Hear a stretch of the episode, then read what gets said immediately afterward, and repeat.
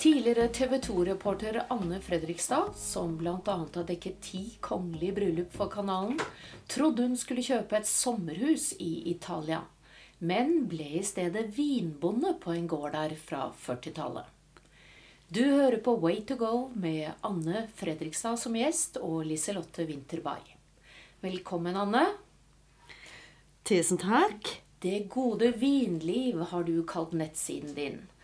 Og nå skal vi få en liten smak på det. Du sitter her klar for å åpne en En rødvin basert på druen Sangiovese. Ikke en helt hvilken som helst Sangiovese, egentlig, for det er en uh, Rosso di Montalcino. Det er en egen uh, klone av uh, denne italienske rødvinsdrua. Fortell litt om den, men først la oss åpne den. Jeg er veldig spent. Glass har vi også stående her. Nå er ikke jeg vanligvis en som drikker rødvin, så det skal bli ekstra spennende. Grunnen til at jeg har valgt denne vinen her, er at den minner meg om vingården i Italia. Og fortell om vingården i Italia. Skal jeg gjøre bare Vent litt, jeg skal få den her. Sitter litt sånn. Herlig! Herlig. Det er ikke noe som rødvin eh, Ikke helt de korrekte glassene, kanskje, men det er i hvert fall rødvinsglass, selv om det er to forskjellige. Å jo da. Mm, nydelig farge. Ikke sant? Og siden jeg ikke er den eksperten du er, kan du fortelle meg jeg, hva jeg nå skal gjøre med denne vinen før jeg smaker? Ja, nå ser jeg du holder glasset. Du holder bra. Du holder den i stilken og ikke i glasset. Eh, og så snurrer du den sånn, ja. Så den får lufta seg nå. Den har vært innestengt på flaske eh, en stund. Så den eh, vil gjerne frigjøre seg og vise deg hva den har å by på. Og lukt og smak og Er det nå jeg stikker nesen nedi? Ja. Hele skaftet? Ikke hele nesa, bare mot glasset. Mm. Ta inn. Og denne lukter Den lukter nydelig, men det er veldig vanskelig for meg å si hva. Kan du sette ord på det, er du snill? For meg så kjenner jeg jo da modne kirsebær, nesten litt sånn moreller. Mm. Når jeg lukter på den vinen her, så setter det meg rett tilbake til vingården. Eh, og da tar jeg inn urtene som er der, alle de italienske urtene. Jeg tar inn litt lavendel, rosene og kirsebærene, som faktisk er modne allerede i mai. Tenke seg til. Det høres jo ut som et Det gode vinliv, som du kaller mm. Er det lov å smake? Ja, selvfølgelig må vi smake. Vi kan ikke bare sitte og så lukte.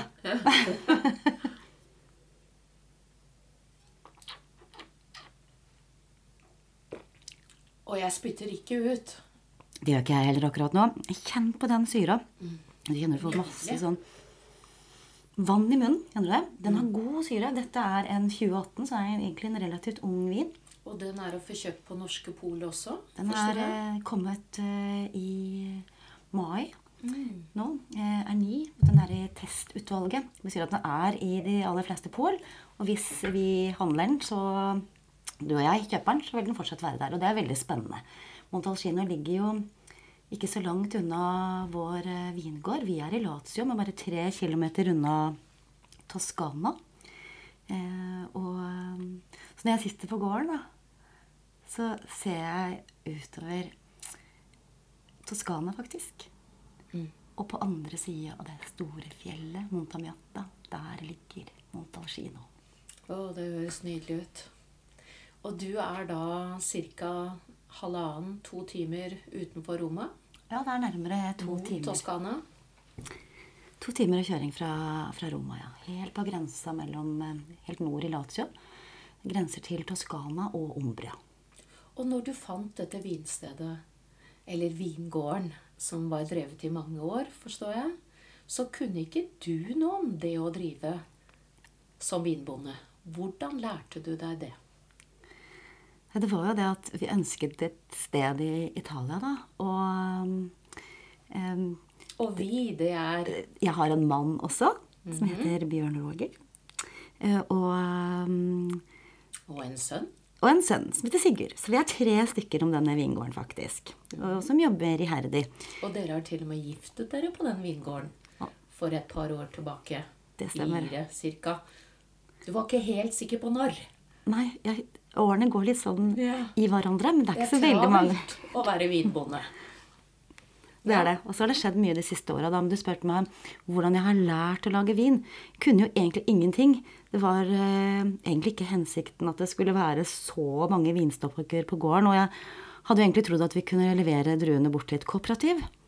Eh, men så var det sånn at det ikke var noe kooperativ i området hos oss. Så da var det jo egentlig bare å lære seg. Så jeg har tatt nettkurs.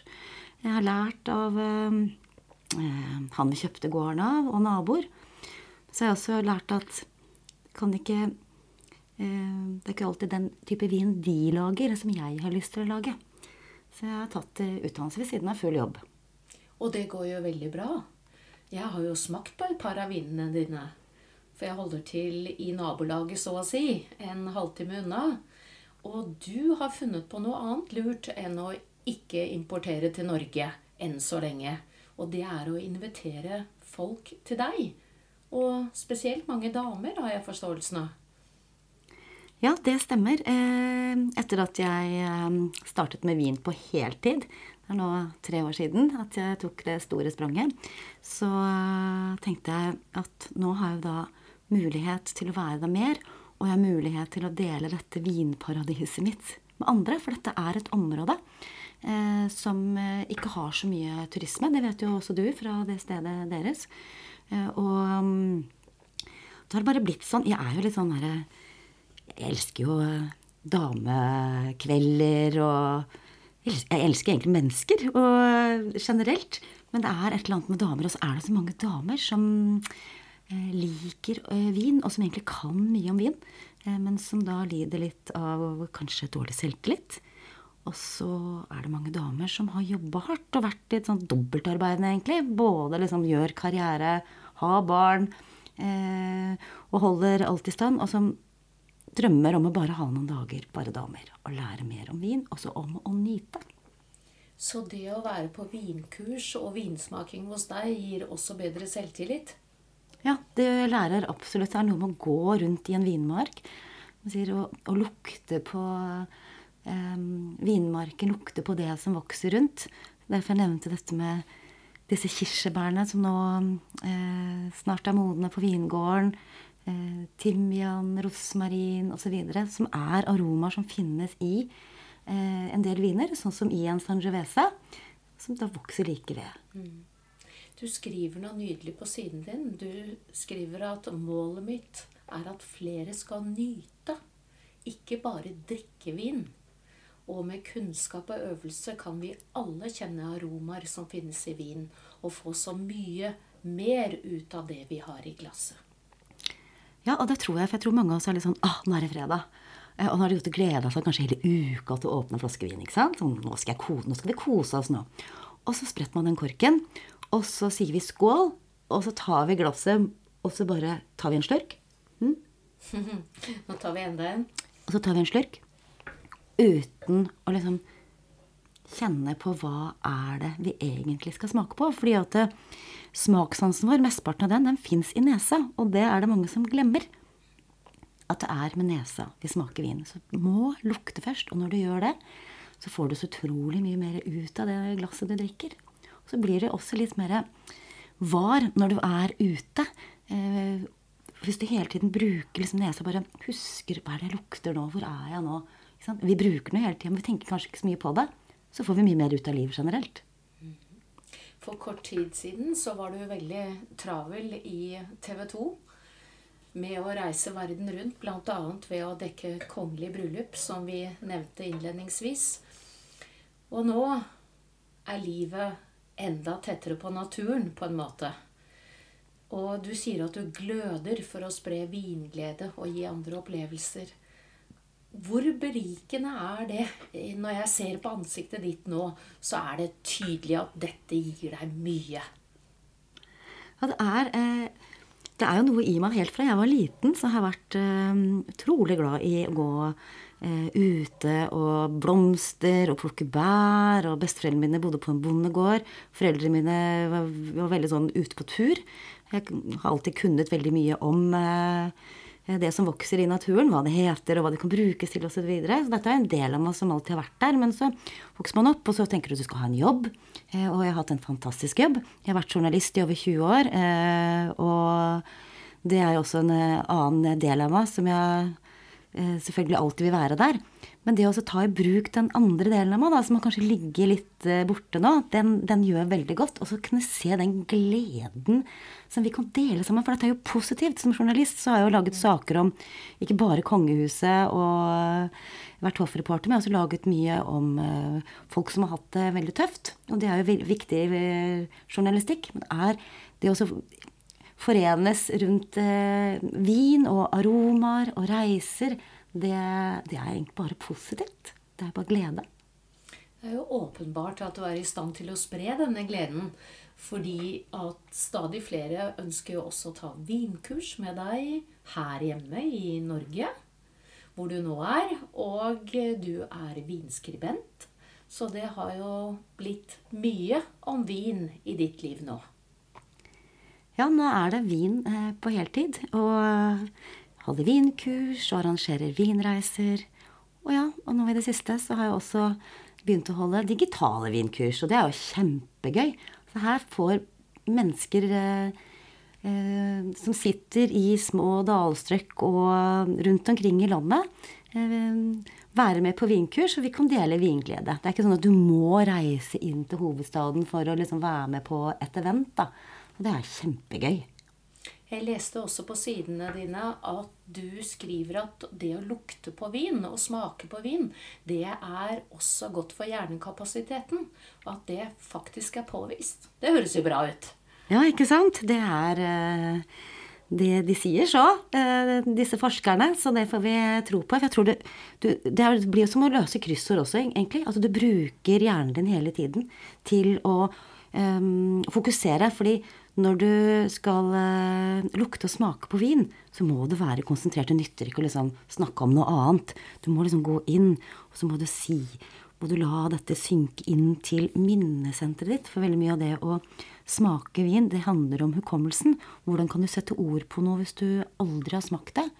Eh, kanskje ikke du liker det fordi det minner deg om et bær som du har et dårlig minne fra, f.eks. Eller øh, kanskje du elsker den nettopp fordi du husker tilbake til da du lå der i øh, enga og plukket ville markjordbær som barn. Skjønner du? Mm. Så, men, men, det er det der å bruke den. At vi liksom glemmer det. Det er som å trene kroppen. Så må man også trene dette minnesenteret. Og da skal man visstnok bli både smartere og leve lenger. Det høres jo veldig bra ut. Det er verdt å skåle for. Da må vi ta en skål, for herlighet, du har ikke skålt ja, ennå. Skål. skål. Mm. Nydelig. Nydelig vin. Kjenner du at du kommer også dette er jo en ganske sånn robust. Den er fra Montalcino. Du har Brunello di Montalcino, som eh, er svært lagringsvennlige. Eh, og noen av verdens mest attraktive viner. Eh, dette er en Rosso som har ikke vært lagret så lenge før den er lagt ut til salg. Men uh, den har vært på Eikefall, så de kjenner det begynner å få litt sånn lær og mm. litt sånn høstløv og litt jordsmonn. Og den har jo mer å by på, da. Du snakker med lidenskap, Anne. Herlig! Eh, og apropos at denne er på Vinmonopolet. Du eh, anbefalte også å luske rundt på Vinmonopolet. Selv om man kanskje ikke får anledning til å reise utenlands med det første, og finne druer du aldri har hørt om, og bestille en vin med dem. Har du noe forslag til noen uh, druer og viner som uh, har god kvalitet, og som er kjære for deg? Å, det er så mye godt. Jeg mener jo at man egentlig ikke trenger å drikke samme vin to ganger. Eh, man kan egentlig bare prøve alt, men så er det jo litt morsomt å gjøre det. Eh, klart at Skal vi holde oss til Italia, eller skal vi bruke hele verden? Det er opp til deg. Det er opp til meg, ja. Gjerne Italia. Gjerne Italia. Ja, men du har jo um, Du har også en annen um, hvitvin som er kommet nå fra Italia. En uh, Greghetto-drue. Uh, som er jo mye i vårt distrikt, i Lazio og Umbria. eh, som er eh, veldig spennende sånn sett, fordi den minner meg om Italia. Men favorittrua mi fra Italia på sommeren, for nå går vi inn i sommeren, og vi som lengter etter å sitte der ute ved havet med en spagetti alla vongole og kjenne den varme sola og vinden i håret, da må vi ha en vermentino. Merkeordet mitt. Vermentino. Det er fantastisk drue. Og den, eh, for meg er den sommer. Sjømat og spagetti, det høres godt ut. Det er mye arbeid i en flaske vin. Det har du funnet ut de senere årene.